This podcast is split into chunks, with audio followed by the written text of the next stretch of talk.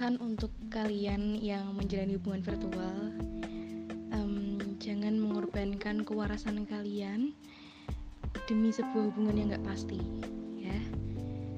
Jangan mainin HP terus demi menunggu kabar dia karena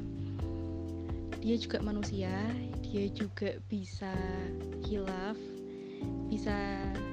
ngentot di sana sama cewek atau cowok lain sedangkan kalian nungguin kabar dia